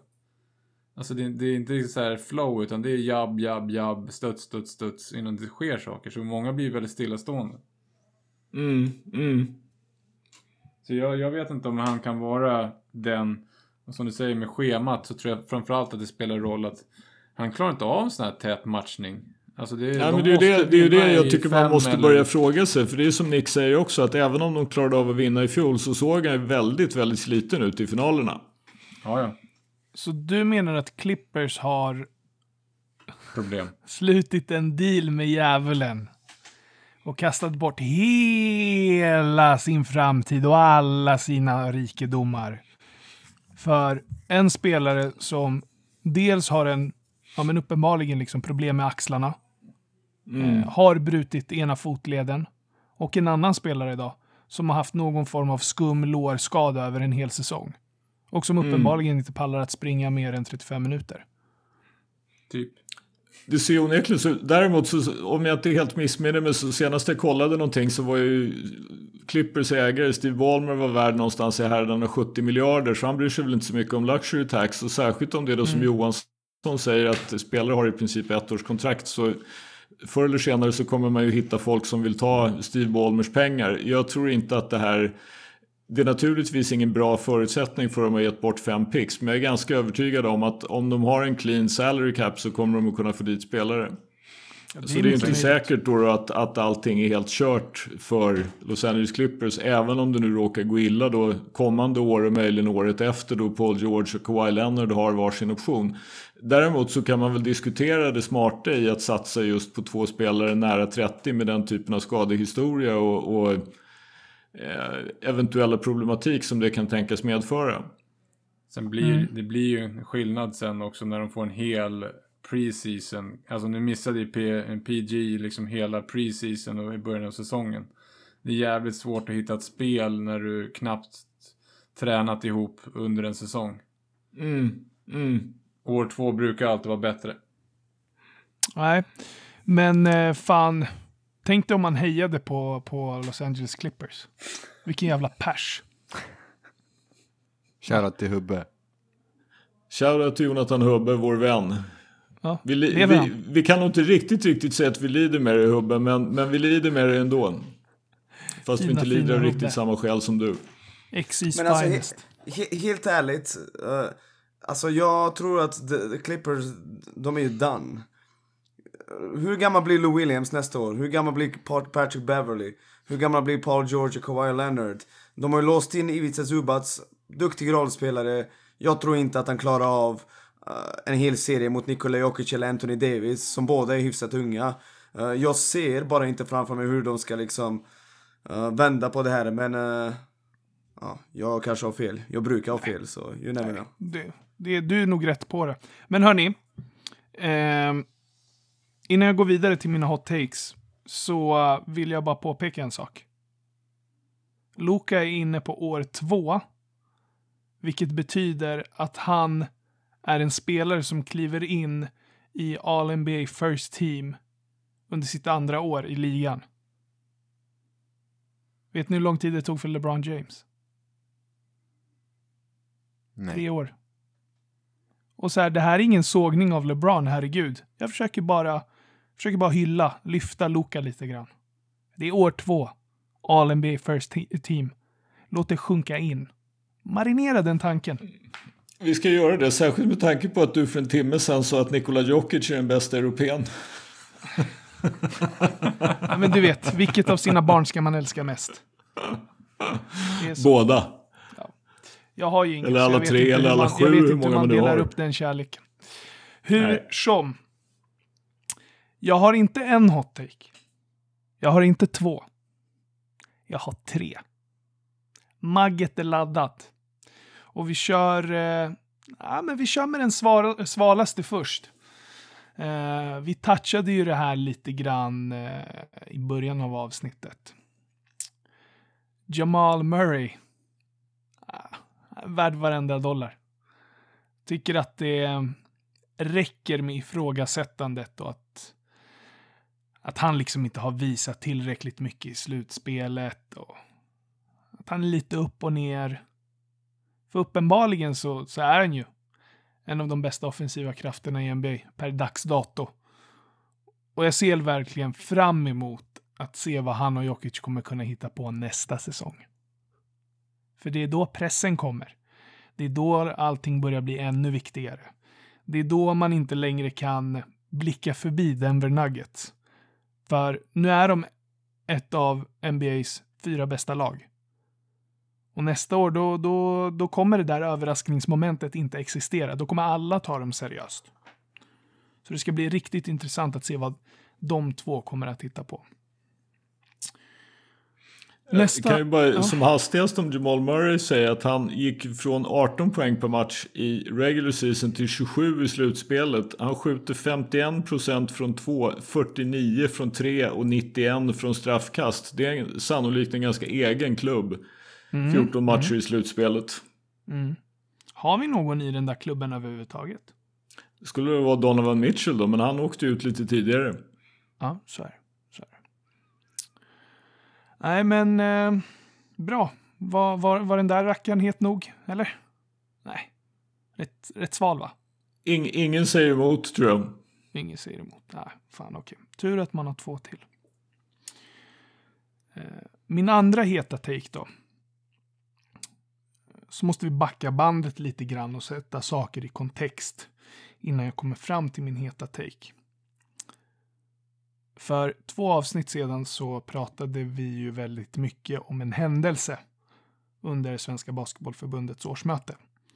När eh, en klubbdirektör då eh, uttryckte en viss, ja, hur ska man beskriva det? Tveksamhet och ifrågasatte någonstans också Black Lives Matter i ett tyst rum. Och eh, det här har ju fått konsekvenser. Han är inte kvar längre i klubben. Jag vet inte om han har sagt upp sig själv eller om han har fått sparken. Det låter jag liksom vara osagt. Men han är inte kvar längre i klubben. Och eh, man har ju sett att saker och ting börjar hända någonstans ute i basket-Sverige. Det börjar pratas mer om sådana här saker. Och förhoppningsvis så kommer också dialogen och diskussionen att sprida sig än mer ut till landet. Jag vill tacka er, mina kära poddkollegor, för att vi dels liksom någonstans känner oss tillräckligt... Hur ska jag uttrycka mig? Eh, hur ska jag beskriva det här? Att vi känner oss liksom tillräckligt eh, villiga, för det gör man inte. Det, det, det, man, man ska inte underskatta det. Jag vill tacka er för att vi känner oss tillräckligt villiga och entusiastiska, skulle jag också vilja säga, att diskutera de här sakerna. De här problemen. Och att vi vågar lyfta dem. För uppenbarligen så är det faktiskt inte särskilt vanligt att människor vågar lyfta frågor om strukturell rasism. Så fan grabbar, tack så jättemycket. För att vi gör det här tillsammans. Och för att vi i mångt och mycket sprider gospelet ut i landet.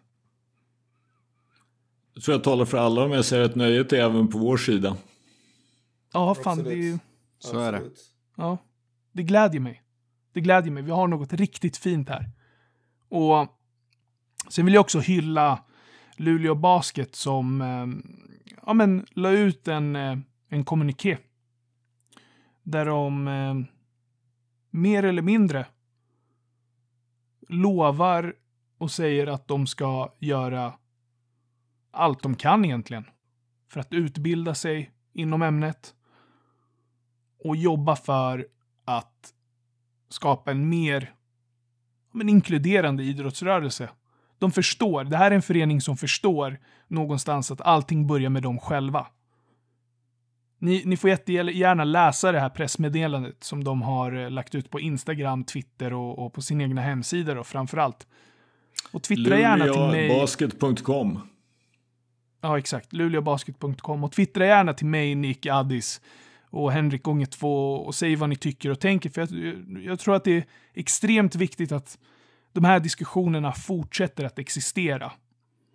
Eh, och att vi aldrig någonsin slutar tjata. För det finns folk där ute, det ska vi inte glömma, det finns folk där ute som tycker att det här är extremt obekvämt. Av många olika anledningar.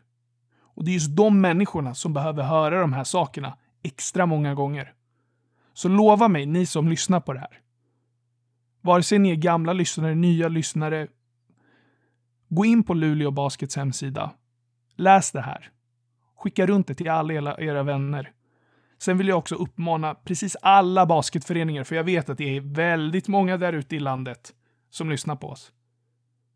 Jag uppmanar alla basketföreningar att också gå in på Luleå Baskets hemsida och banne mig göra samma sak. För det är för en god sak. Det är för en viktig sak. Det är för oss allihopa.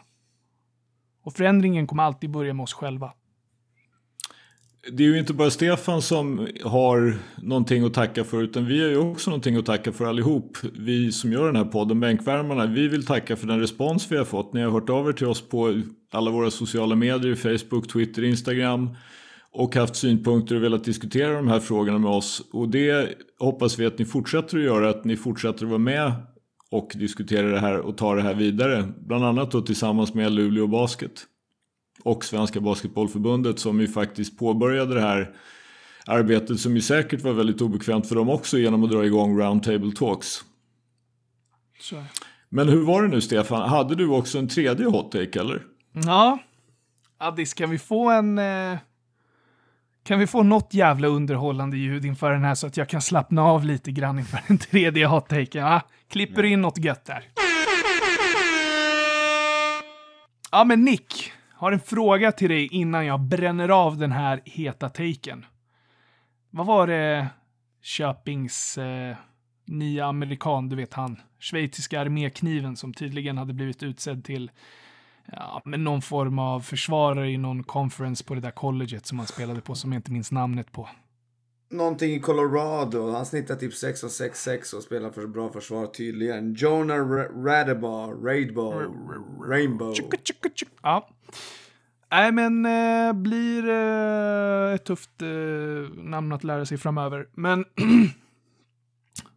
jag såg ju att de hade värvat den här gubben då. Att han beskrivs som någon form av superförsvarare. Och det är lite syn på den för i Sverige hamnar ingen superförsvarare. Eh, men det var inte det jag ville ha sagt. Utan jag läste det här för jag har en ganska fin relation till Köping Stars, eller vad de nu än heter. Eh, sedan innan, det vet ju alla som följer mig på Twitter. Eh, de intervjuar ju honom lite grann och han lämnar en, kom- en kommentar då där han där han säger att han eh, ser fram emot att komma till en stad och en klubb med en eh, rik kultur. Han beskriver alltså Köpings basketlag och staden som rik, eller ja, att de har en rik kultur. Och eh, vet ni vad vi har på Köping? Ja? Någon? Ingen aning. Nej. Nej, men vi, eh, vi har ju landets näst största insjöhamn. Ja? Den i. Fina, fina insjöhamnen. Vet ni vad mer vi har på staden? Någon? Nej. Nej. Ja, men det hölls ju ett gäng eh, biskopsmöten där på 1200-talet. Ja? Rik historia, kittlar, bubblar i hela kroppen. Dessutom fanns det hela 216 hushåll i staden redan på 1700-talet. Stort! Ja? Så kan vi lägga till Emir Bayrami, Filip Hammar och SVT's Finest Dusan Omitrovic. Alla de kommer från Köping. Köping är en jävla världsmetropol, hör ni det? Fattar ni det? Köping, vilken jävla superstad va? Ja? Rik kultur. Faktiskt också. Dusans brorsa, hockeyliraren Dragan. Ja, okej då. Vi kan väl... eh, eh, Nej, men så... um, det var mina tre hot takes. Shoutout till Köping. Shoutout till eh, Shoutout. kulturstaden. Sveriges epicentrum. Köping. Jag vill, jag vill trasha en annan stad i nästa avsnitt, men vi tar det då. Okej, men du, du får inte göra det om det är Luleå, för vi, vi känner oss Nej, nej, nej, nej, nej, klara nej, med nej, Luleå. nej, nej, nej, nej, nej, nej, nej, nej, nej, ja, Tro mig, det är inte Luleå. Om du nämner Upplands Väsby så vet jag vart du bor i Borås. Jajamän. Tack. Med det så kan vi faktiskt eh, säga tack för idag, eller hur Stefan? Ja, men det kan vi göra. Det kan vi absolut göra. Tack för att ni har lyssnat idag. Tack för den respons som har varit. Och glöm inte att om ni inte har tittat på Bam Adebayos block på Jason Tatum åtminstone 15 gånger idag så kan vi nog inte vara vänner. Ha det bra, hej då! Du har precis lyssnat på det 21 avsnittet av Sveriges största basketpodd, Bänkvärma. Intromusik, Mario Dri och Stefan Stanojevic. Deltagare, Henrik Sköldström, Henrik Johansson, Nikica Rajacic, Adis Nimmerstam och Stefan Jovanovic. Produktion, Adis Nimmerstam. Stort tack för att ni har lyssnat. Bänkvärmarna finns i sociala medier på bankvarmarna SWE på både Facebook, Instagram och Twitter. Glöm inte att prenumerera på vår podd på diverse streamingtjänster. Ta hand om er därute och glöm inte, bänken ljuger aldrig.